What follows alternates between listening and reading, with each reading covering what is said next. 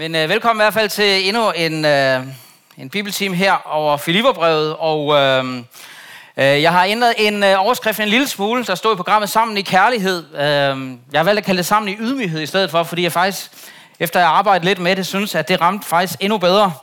Øh, det, der var hovedsagen i, øh, i øh, den tekst, som vi skal være sammen øh, om nu, og det er altså Filipperbrevet kapitel 2, vers 1-11. Og... Øh, jeg vil begynde med at læse øh, teksten her. Hvis da trøst i Kristus betyder noget, hvis kærlig opmundring, hvis åndens fællesskab, hvis inderlig medfølelse betyder noget, så gør min glæde fuldstændig ved at have det samme sind, ved at have den samme kærlighed, med en sjæl og et sind. Gør intet af selviskhed, og heller ikke af indbilskhed, men sæt i ydmyghed de andre højere end jer selv. Tænk ikke hver især på jeres eget, men tænk alle også på de andres vel. I skal have det sind over for hinanden, som var i Kristus Jesus. Han, som havde Guds skikkelse, regnede det ikke for et rov at være lige med Gud, men gav afkald på det, tog en tjenerskikkelse på og blev menneskerlig. Og da han var trådt frem som et menneske, ydmygede han sig og blev lydig ind til døden. Ja, døden på et kors. Derfor har Gud højt ophøjet ham og skænket ham navnet over alle navne. For at i Jesu navn hvert knæ skal bøje sig i himlen og på jorden og under jorden. Og hver tunge bekende, Jesus Kristus er Herre til Gud Faders ære. Amen.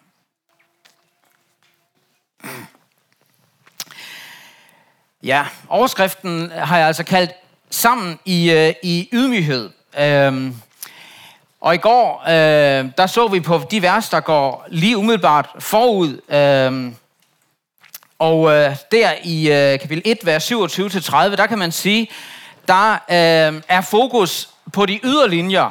Øh, kampen for troen på evangeliet, og vigtigheden af at stå sammen i den kamp, men over for modstanderne kan man sige, fronten, eller fokus er på, på de yderlinjer. I de her vers, der er fokus på de indre linjer, forholdet til hinanden i menigheden. Enheden i, i kærlighed, i indbyrdes kærlighed. Men et af kærlighedens udtryk, kan man sige, det er ydmyghed. Og det Paulus har i tanke i det her afsnit, det er netop Særligt den kærlighed, der kommer til udtryk i ydmyghed. Og som kommer til udtryk ved i ydmyghed at sætte de andre højere end sig selv. Øh, jeg har været inde på det øh, tidligere, at når man sådan læser mellem linjerne i Filipperbrevet, så er det tydeligt, at Paulus har fået noget info om, at der er øh, nogle spændinger, der er nogle konflikter i menigheden, der er begyndt. Det kommer øh, eksplicit frem i lyset i, kapitel, i øh, lyset i kapitel 4, som øh, vi skal se på i morgen, hvor Paulus virkelig meget direkte tager øh, tyren ved hornene med navnsnævnelser og det hele. Men det ligger også ligesom mellem linjerne i, i hele brevet. Lidt ligesom i, i baggrunden for meget af det, han siger. Og vi så det allerede lidt i går, det der med, at han virkelig øh, indskærper vigtigheden af at, øh, at stå sammen i enhed. Og det er også på den baggrund, at øh, vi ligesom må, må forstå Paulus' anlæggende i, i afsnittet i dag. I den første time var jeg inde på, noget af baggrunden er, at, Paulus, eller at menigheden har sendt øh, en udsending, Epafroditus, til Paulus. Og øh, man kan forestille sig, hvordan menigheden gennem deres udsending øh, også har, har givet Paulus øh, besked om noget, han skulle sige til dem. Og man kan forestille sig, at de har sagt noget i retning af, kære Paulus, vi tænker på dig, og vi beder for dig. Og du skal vide, at vi står stadig sammen med dig i arbejde for evangeliet. Og vi har inderlig medfølelse med dig i fængsel. Vi, vi, vi glæder os over åndens fællesskab med dig fortsat og vi sender dig al vores kærlige opmundring og trøst i Kristus. Det er det, de har sendt Epaphroditus øh, afsted for at sige til Paulus. Men så har Epaphroditus også fortalt om problemerne og konflikterne i menigheden. Om grupperingerne i menigheden. Og om en tendens i menigheden til at sætte sig selv først. Og tænke højere om sig selv end de andre. Det her med ligesom at ophøje sig selv. Så Paulus han adresserer problemerne. Det, Paulus han, han tænker, det må de selv finde ud af. Det, det ligner ikke Paulus. Han, han adresserer problemerne. Og det gør han med nogle meget berømte ord, som vi har her i, øh, i teksten, som munder ud i, i det, man kalder Kristushymnen.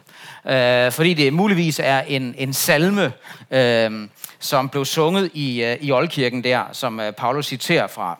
Det er i hvert fald muligt.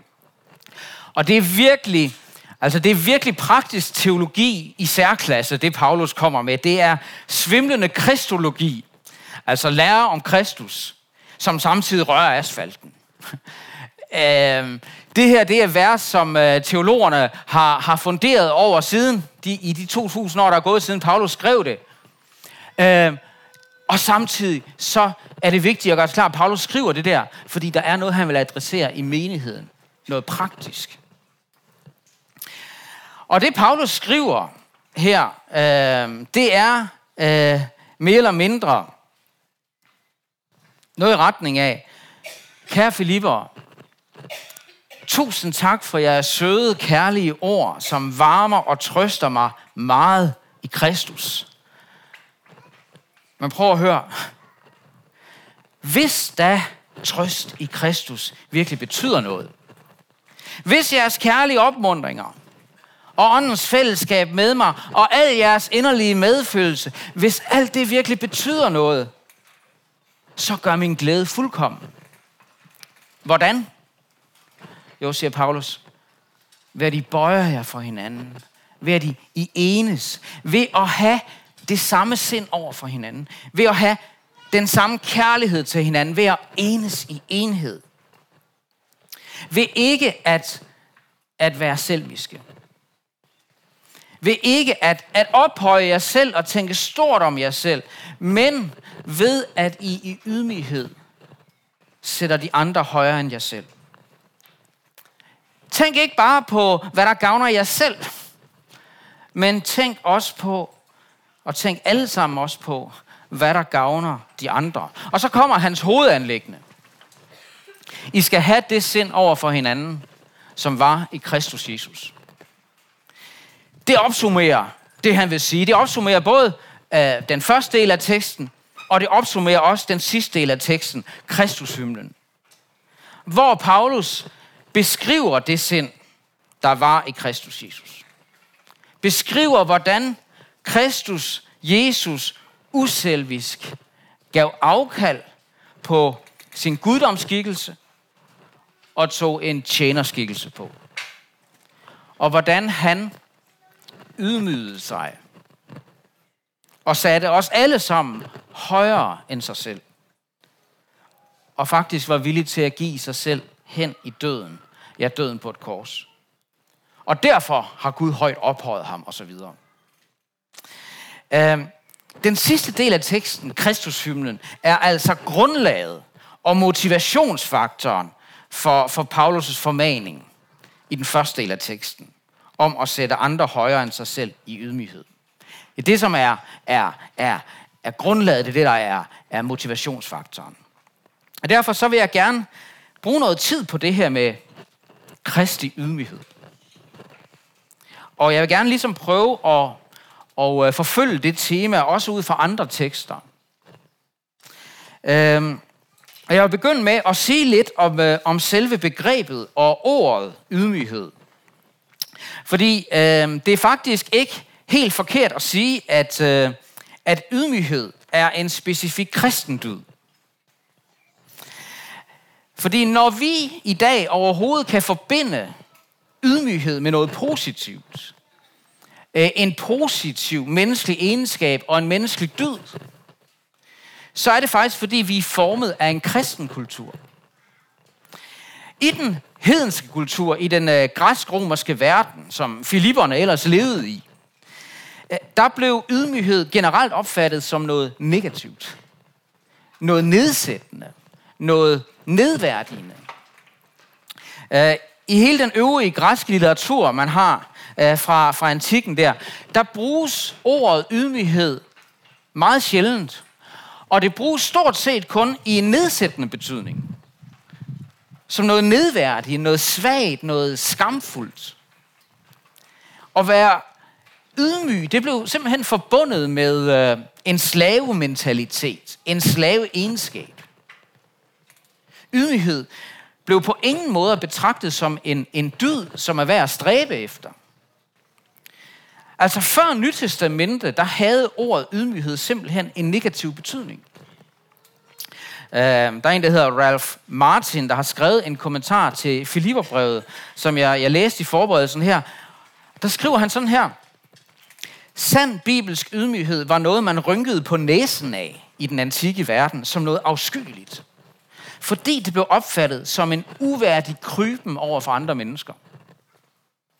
Og så henviser han til et, et, øh, et stort studie af ordet, øh, som det blev brugt dengang, og så siger han, det var til synlædende først gennem Jesu lære, at ydmyghed kom til at blive anset som en dyd. Det synes jeg er vildt. Jesus sagde jo for eksempel, for enhver, som ophøjer sig selv, skal ydmyges, og den, der ydmyger sig selv, skal ophøjes. Han siger det i øh, lignelsen om pladserne ved bordet, hvis I kan huske den, og han siger det også i, øh, i lignelsen om farisæeren og tolleren. Det slutter med, at han siger, for enhver, som ophøjer sig selv, skal ydmyges, og den, der ydmyger sig selv, skal ophøjes. Og det er vigtigt at lægge mærke til, at, at det med at ydmyge sig selv, det er forbundet med løftet om at blive ophøjet i sidste ende af Gud. Hvis vi sådan skal ind til benet, så er kernen i Nytestamentets brug af begrebet ydmyghed, det er en ydmyghed over for Gud, der fører til en ydmyghed i vores relationer med andre mennesker. Og netop lignelsen om farisæeren og tollerne er jo et godt eksempel på det, ikke også? Farisæeren, der, der, der, der, der blæser sig selv op, selv over for Gud, og ser ned på andre mennesker. Og så er der tolleren, der, øhm, der blot beder Gud være mig sønder noget. Og det er ham, der går retfærdigt hjem, ikke farisæeren. Og Jesus siger, for den, der ophøjer sig selv, skal ydmyges, og den, der ydmyger sig selv, skal ophøjes. Netop den her sammenhæng, øh, er en ret ydmyghed over for Gud. Det afføder en ret ydmyghed over for hinanden. Det kommer meget stærkt til udtryk i 1. Peters brev, kapitel 5, vers øh, 5-6, hvor apostlen Peter kalder os til kristen ydmyghed i vores fællesskab med hinanden. Hvor han skriver, I skal alle være klædt i ydmyghed over for hinanden. For Gud står de hårdmodige imod. De ydmyge viser han noget. Ydmyge er derfor under Guds stærke hånd. Så vil han ophøje jer, når tiden kommer. Øh, når Peter her bruger billedet med at iklæde sig ydmyghed øh, over for hinanden, og bruger billedet nærmest som ydmyghed, som et stykke tøj, man tager sig på, så skal det selvsagt ikke forstås som en påtaget ydmyghed. Naturligvis så må, så må ydmygheden først og fremmest være noget, der kommer indefra, fra, fra hjertet, ved at Kristus så at sige vender skikkelse i os. Jesus var jo ydmyg af hjertet. Øh, men det betyder altså ikke, at ydmyghed er noget, vi så at sige bare skal sidde og vente på, bare sådan pibler frem indenfra. Vi skal bevidst iføre os den og praktisere den. Både i vores indstilling til hinanden og i vores handlinger over for hinanden i fællesskabet. Jeg ved ikke, hvordan I har det med ordet ydmyghed, men jeg tror, der ligger sådan lidt en, en dobbelt vanskelighed øh, for os i det her med ydmyghed. På den ene side, øh, så tror jeg meget let, at vi forbinder det med sådan en misforstået, dubnakket mindreværdsfølelse. Hvor man ikke føler sig noget værd, eller, eller en falsk ydmyghed, hvor man ligesom underspiller sig selv. Øh, men, men som en har sagt, ydmyghed, det handler ikke så meget om at, at, at tænke mindre om sig selv, men at tænke mindre på sig selv. Det er den ene side, vi let sådan forbinder det med, med en, en, en mindre værdsfølelse. På den anden side, så ligger der også det i hele vores, kan man sige, nyhedenske kultur. Øh, at livet meget kommer til at handle om at promovere sig selv og, og, og føre sig selv frem. Og det tror jeg bare, vi må sige, det løber os meget let i blodet som kristne. Ikke mindst fordi det i forvejen ligger vores gamle natur og vores gamle mentalitet nærmest. Sagt på en anden måde, det ligger os nærmere at have en Muhammad Ali-mentalitet end en Kristus-mentalitet. Hvad mener jeg med det? Uh, Muhammad Ali, en af, af, af verdens største sportspersonligheder nogensinde, han var, han var kendt for uh, at tale meget om sig selv, ikke? Og han var kendt for at sige, I am the greatest. Og øh, for eksempel så kunne han sige, It's hard to be humble when you're as great as I am. Det er svært at være ydmyg, når man er så stor, som jeg er. Selvom Muhammad Ali, eller Muhammad Ali, måske nok var lidt ekstrem, så tror jeg alligevel, at vi må erkende, at der findes lidt af den her Muhammad Ali-mentalitet i os alle sammen. Vi har alle, i større eller mindre grad, noget af den her I am the greatest mentalitet i os. Vi har en trang til at ville være den største. I hvert fald en trang til at sætte os selv højere end andre. Og sætte os selv først. Der er noget typisk for os mennesker i at ville være størst, bedst, vigtigst, øverst i hierarkiet. At være den, der har størst betydning. Den, der har mest magt. Den, der har mest at skulle have sagt. Og være nummer et. Nu er det ikke alle de andre, jeg snakker om. Det gælder også mig selv. Og vi ser faktisk den mentalitet meget tydeligt øh, hos Jesu disciple i evangelierne. Derfor skal vi måske ikke så blive så overrasket over, hvis vi også møder den hos os selv. Flere steder i evangelierne, der står der faktisk om, at Jesu disciple kom til at skændes om, hvem af dem, der var den største. Hvem af dem, som var nummer et? Ja, okay, Jesus var selvfølgelig den største. Men hvem var så nummer to? Når Jesus engang kom til magten og satte sig på tronen, hvem skulle så være lige under ham? Sådan øh, skændtes disciplene om, hvem af dem, der skulle regnes for den største, the greatest. Og, og i evangelierne står der faktisk flere gange om den her sådan, løbende interne strid, disciplene havde om det. det. Det er næsten helt pinligt at læse. Og, og, øh, og i virkeligheden tror jeg måske bare, at vi er blevet bedre til at, at skjule det, end de var. At, at, at det, det, det, det fylder meget inden i os. At være vigtigst. Og der lægger sig så om, hvordan Jesus konfronterer dem med et helt omvendt ideal. Og vi skal bare læse to af de her tekster.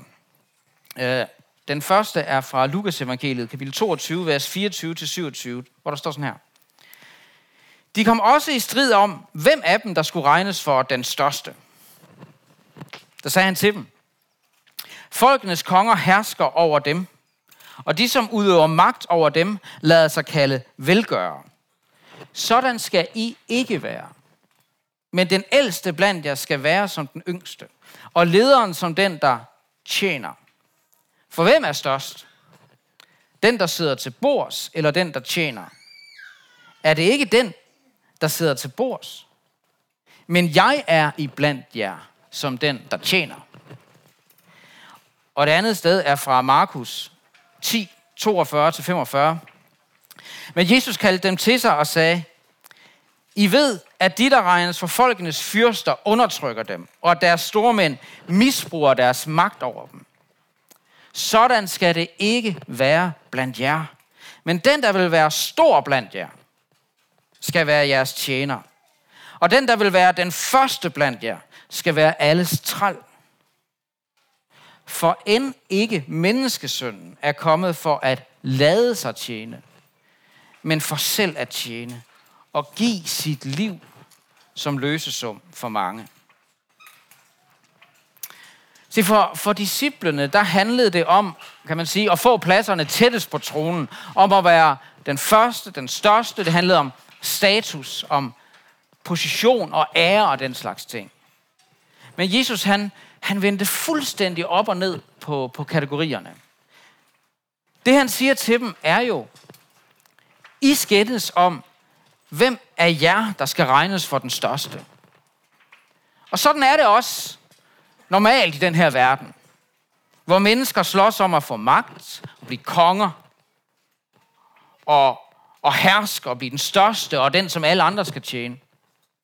Men, siger Jesus, i Guds rige, blandt dem, som vil være mine disciple, i det kristne fællesskab, der skal det aldrig være sådan, siger Jesus. Den, der vil være den største blandt jer, skal være alle de andres tjenere. Det gælder ikke om at være den største, men om at være den mindste. Det gælder ikke om at sætte sig selv højere end alle de andre, men om at sætte andre højere end sig selv. Det handler ikke om at herske. Det handler om at tjene. For som Jesus siger, end ikke jeg er kommet for at lade mig tjene, men for selv at tjene. Og give mit liv for jer. Bare lige tænk over det en gang. Når selv Jesus ikke kom for at lade sig tjene, men for selv at tjene os, og give sig selv, og give sit liv for os,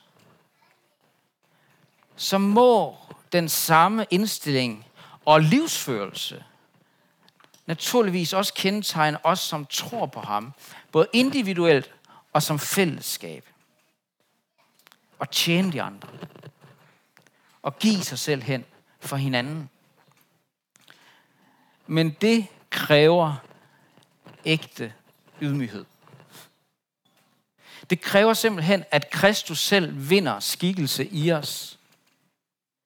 At Mohammed Ali-mentaliteten ændres til en Kristus-mentalitet i os. For i det kristne fællesskab, der er det tjener-mentaliteten, der skal herske, så at sige. Altid.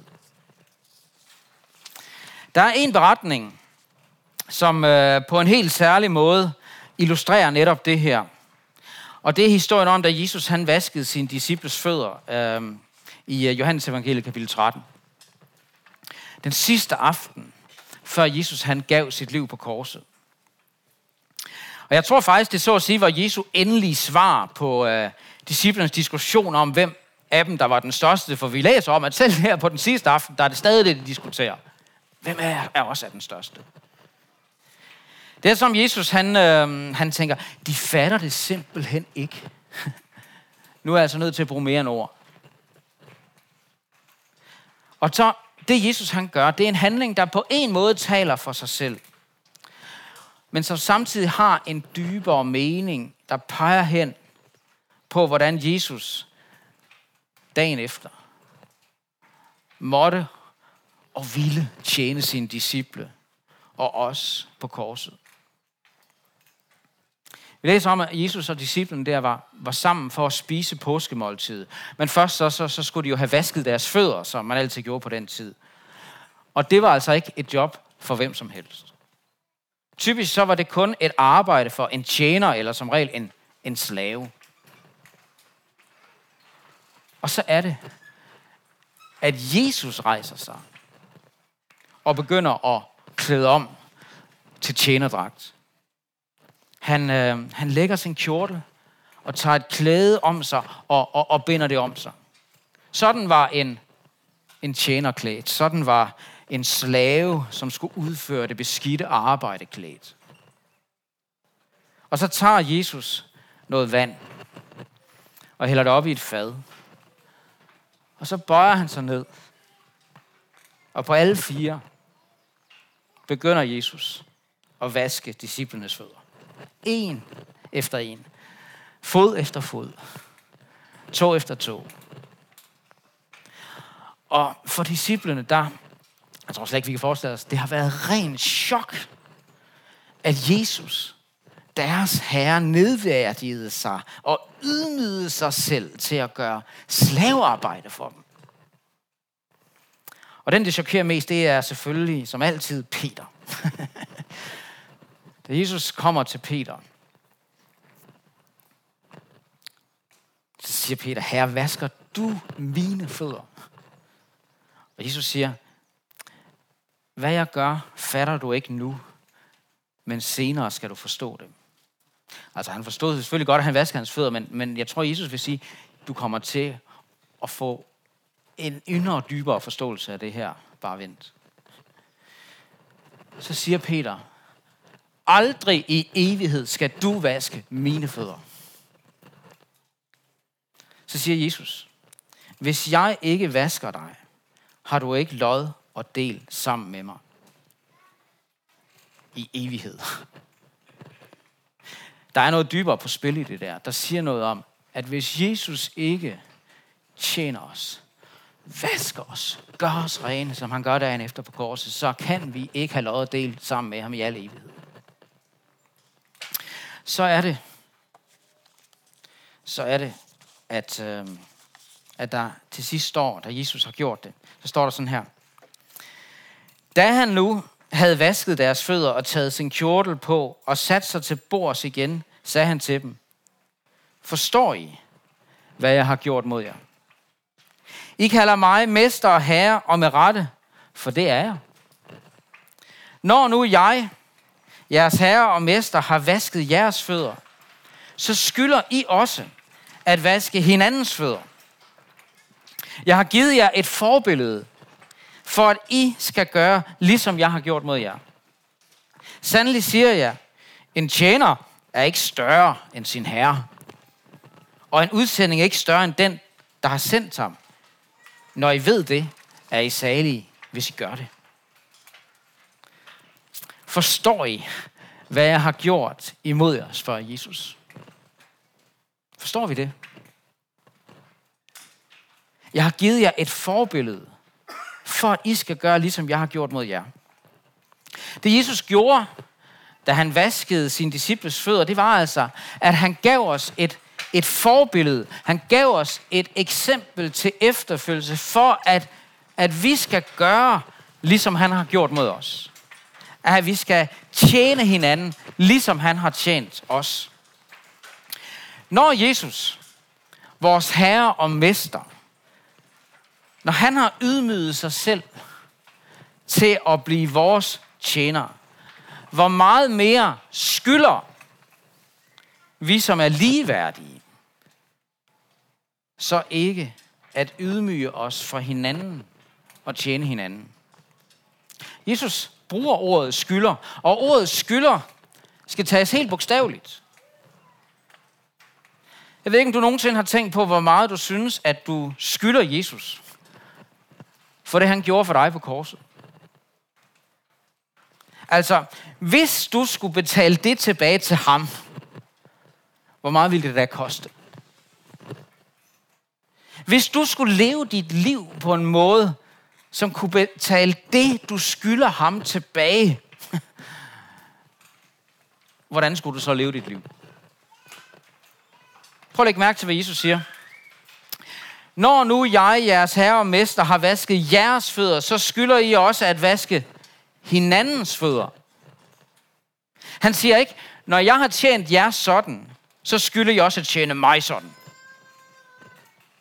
Han siger, så skylder I også at tjene hinanden sådan. I fællesskabet. Sagen er jo, at vi skylder Jesus alt. Alt simpelthen. Men det vi skylder ham, det vil han, at vi så at sige skal give til hinanden. Ved at tjene hinanden. Ligesom han har tjent os. Altså ved at, at tjene os, har Jesus så at sige sat os i gæld til hinanden.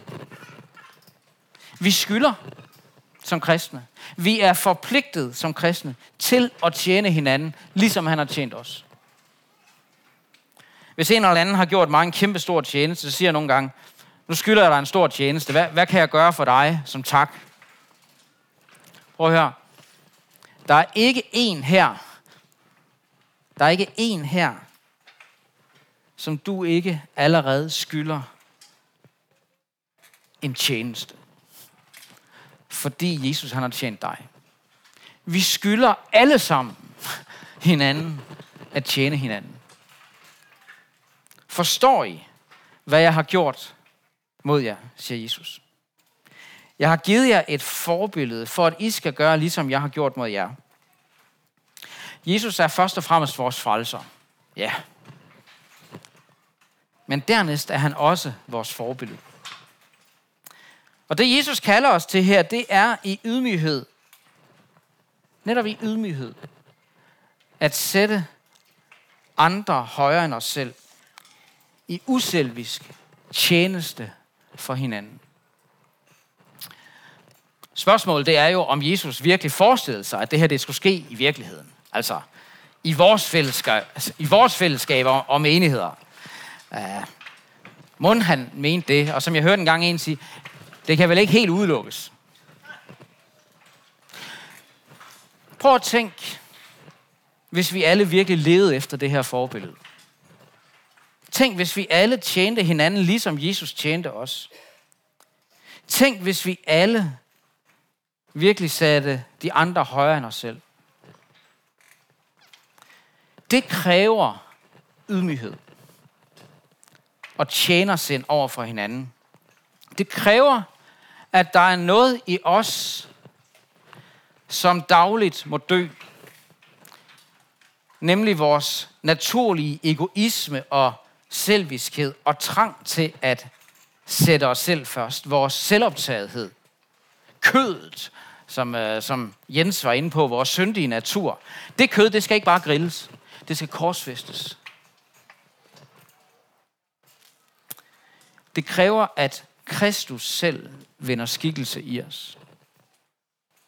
Ved at evangeliet, så at sige, bliver masseret ind i vores hjerter. Så det sind, som han havde over for os, bliver vores sind over for hinanden. Og det bringer os så tilbage til Filipperbrevet. I skal have det sind over for hinanden, som var i Kristus Jesus. Og så tager Paulus os på en svimlende tur fra den højeste himmel, kan man sige, til det dybeste dyb. Og tilbage til den højeste himmel. Uh, nu skal jeg lige se. Han, som havde Guds skikkelse, regnede det ikke for et rov at være lige med Gud, men gav afkald på det, tog en tjenerskikkelse på og blev menneskelig. Det, at han havde Guds skikkelse og var lige med Gud, det betyder ikke, at han bare lignede Gud. Ligesom det, at han tog en tjenerskikkelse på og blev menneskerlig, ikke betyder, at han bare lignede en tjener eller lignede et menneske. Nej, han blev virkelig et menneske.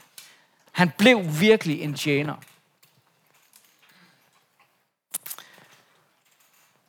Og han var virkelig Gud.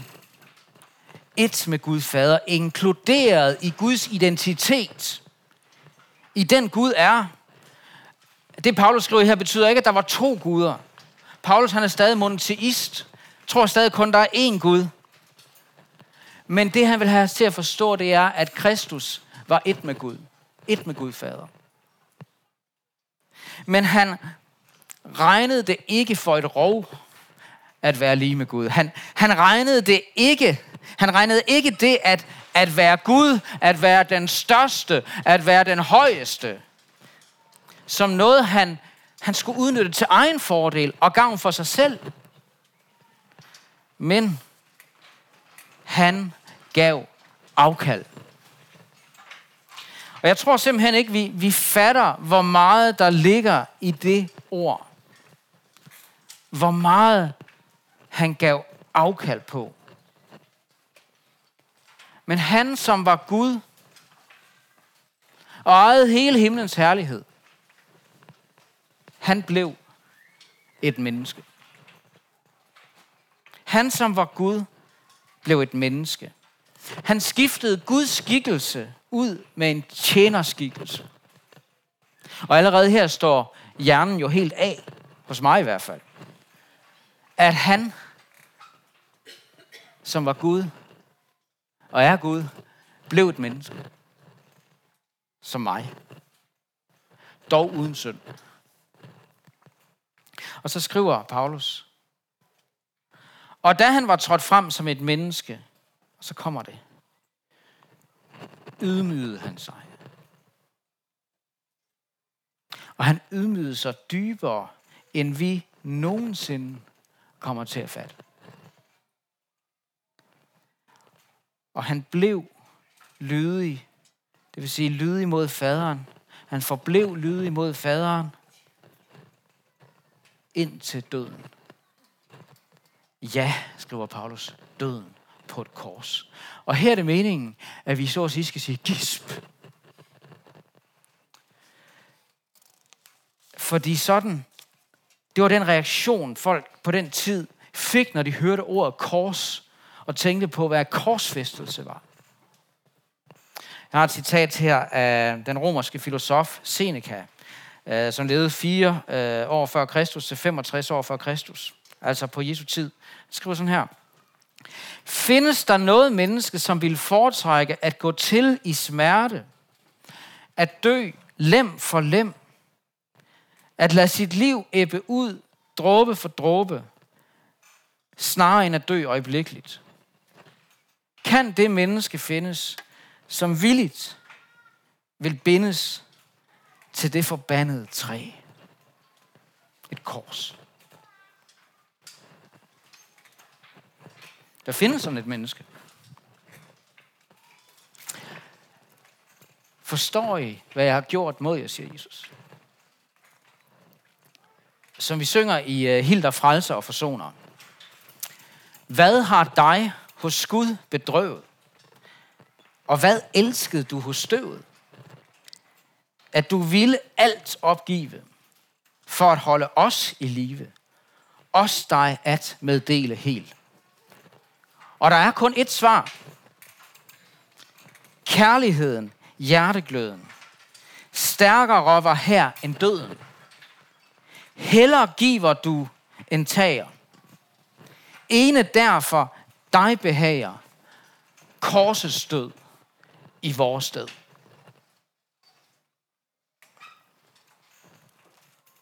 Og Paulus han siger, det er det tjener sind, vi skal have over for hinanden.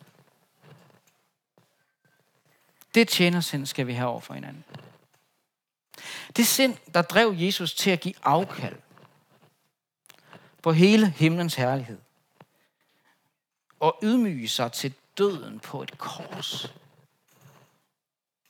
i tjeneste for os. Det er det sind, vi skylder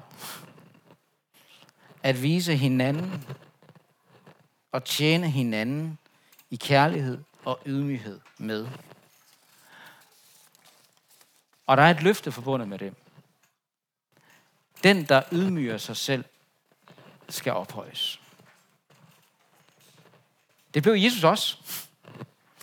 Derfor har Gud højt ophøjet ham og skænket ham navnet over alle navne, for at i Jesu navn hvert knæ skal bøje sig i himlen og på jorden og under jorden, og hver tunge bekende, Jesus Kristus er Herre til Gud Faders ære.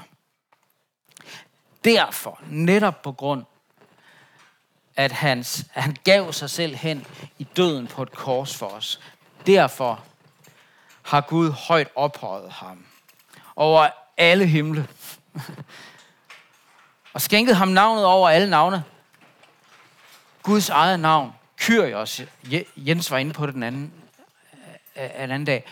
Det navn, han jo også havde, ja, men nu ligesom får skænket igen, nu som den, der har offret sig, den korsfæstede og opstandende. Og en dag, så skal alle knæ bøje sig for ham. Og alle tunger skal en dag bekende, Jesus Kristus er her til Gud fader, sager. Se, de vers, Paulus skriver her, de, de siger os jo noget helt fantastisk om, hvem Jesus virkelig er. At han virkelig er Gud. Gud lige. Et med Gud. Og så siger de jo samtidig netop derved noget helt fantastisk om, hvem Gud virkelig er. For Gud viser, hvem han selv er i Jesus Kristus. Og i ham har han virkelig åbenbaret, hvad der bor i Gud. Ved at se på Jesus Kristus ser vi, at Gud om nogen er ydmyg. Gud er ydmyg. Hvis vi vil forstå, hvad ydmyghed virkelig er, så skal vi se på Jesus Kristus, og så forstår vi, hvem Gud er. Jeg vil gerne slutte med en lille godbid.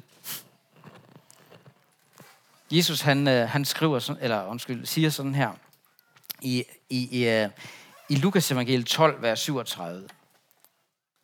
Salige de tjenere, som Herren finder vågne, når han kommer. Sandelig siger jeg, han skal binde kjortlen op om sig og lade dem sætte sig til bords, og selv komme og sørge for dem. Egentlig står der, selv komme og tjene dem. Se, jeg tror aldrig, jeg vil glemme første gang, det gik op for mig, hvad det er, der står her. Det er simpelthen mindblowing for mig. Fordi jeg havde altid troet, at ja, første gang Jesus kom, der kom han som en tjener for at tjene os. Men så har jeg egentlig altid troet, det var dengang.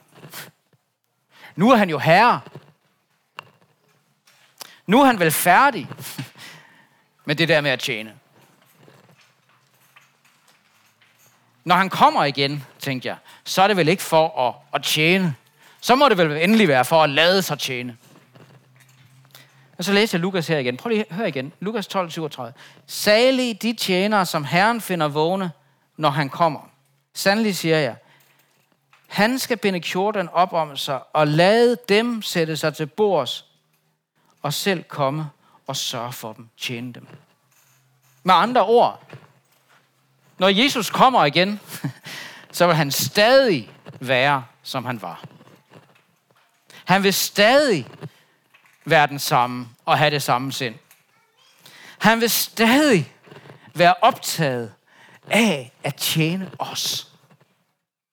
Han vil stadig vise det samme tjenersind, som han viste, da han vaskede sin disciples fødder.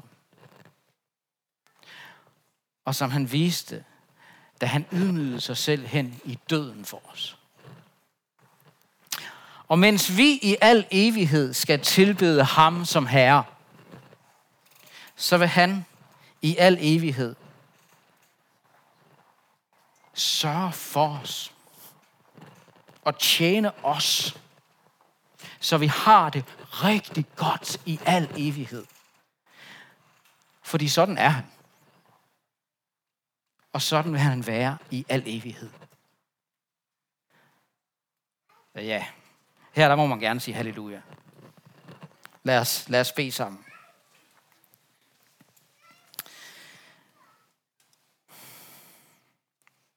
Jesus, tak, fordi du kom for at tjene os. Tak, at du er villig til at tjene os helt ind i døden.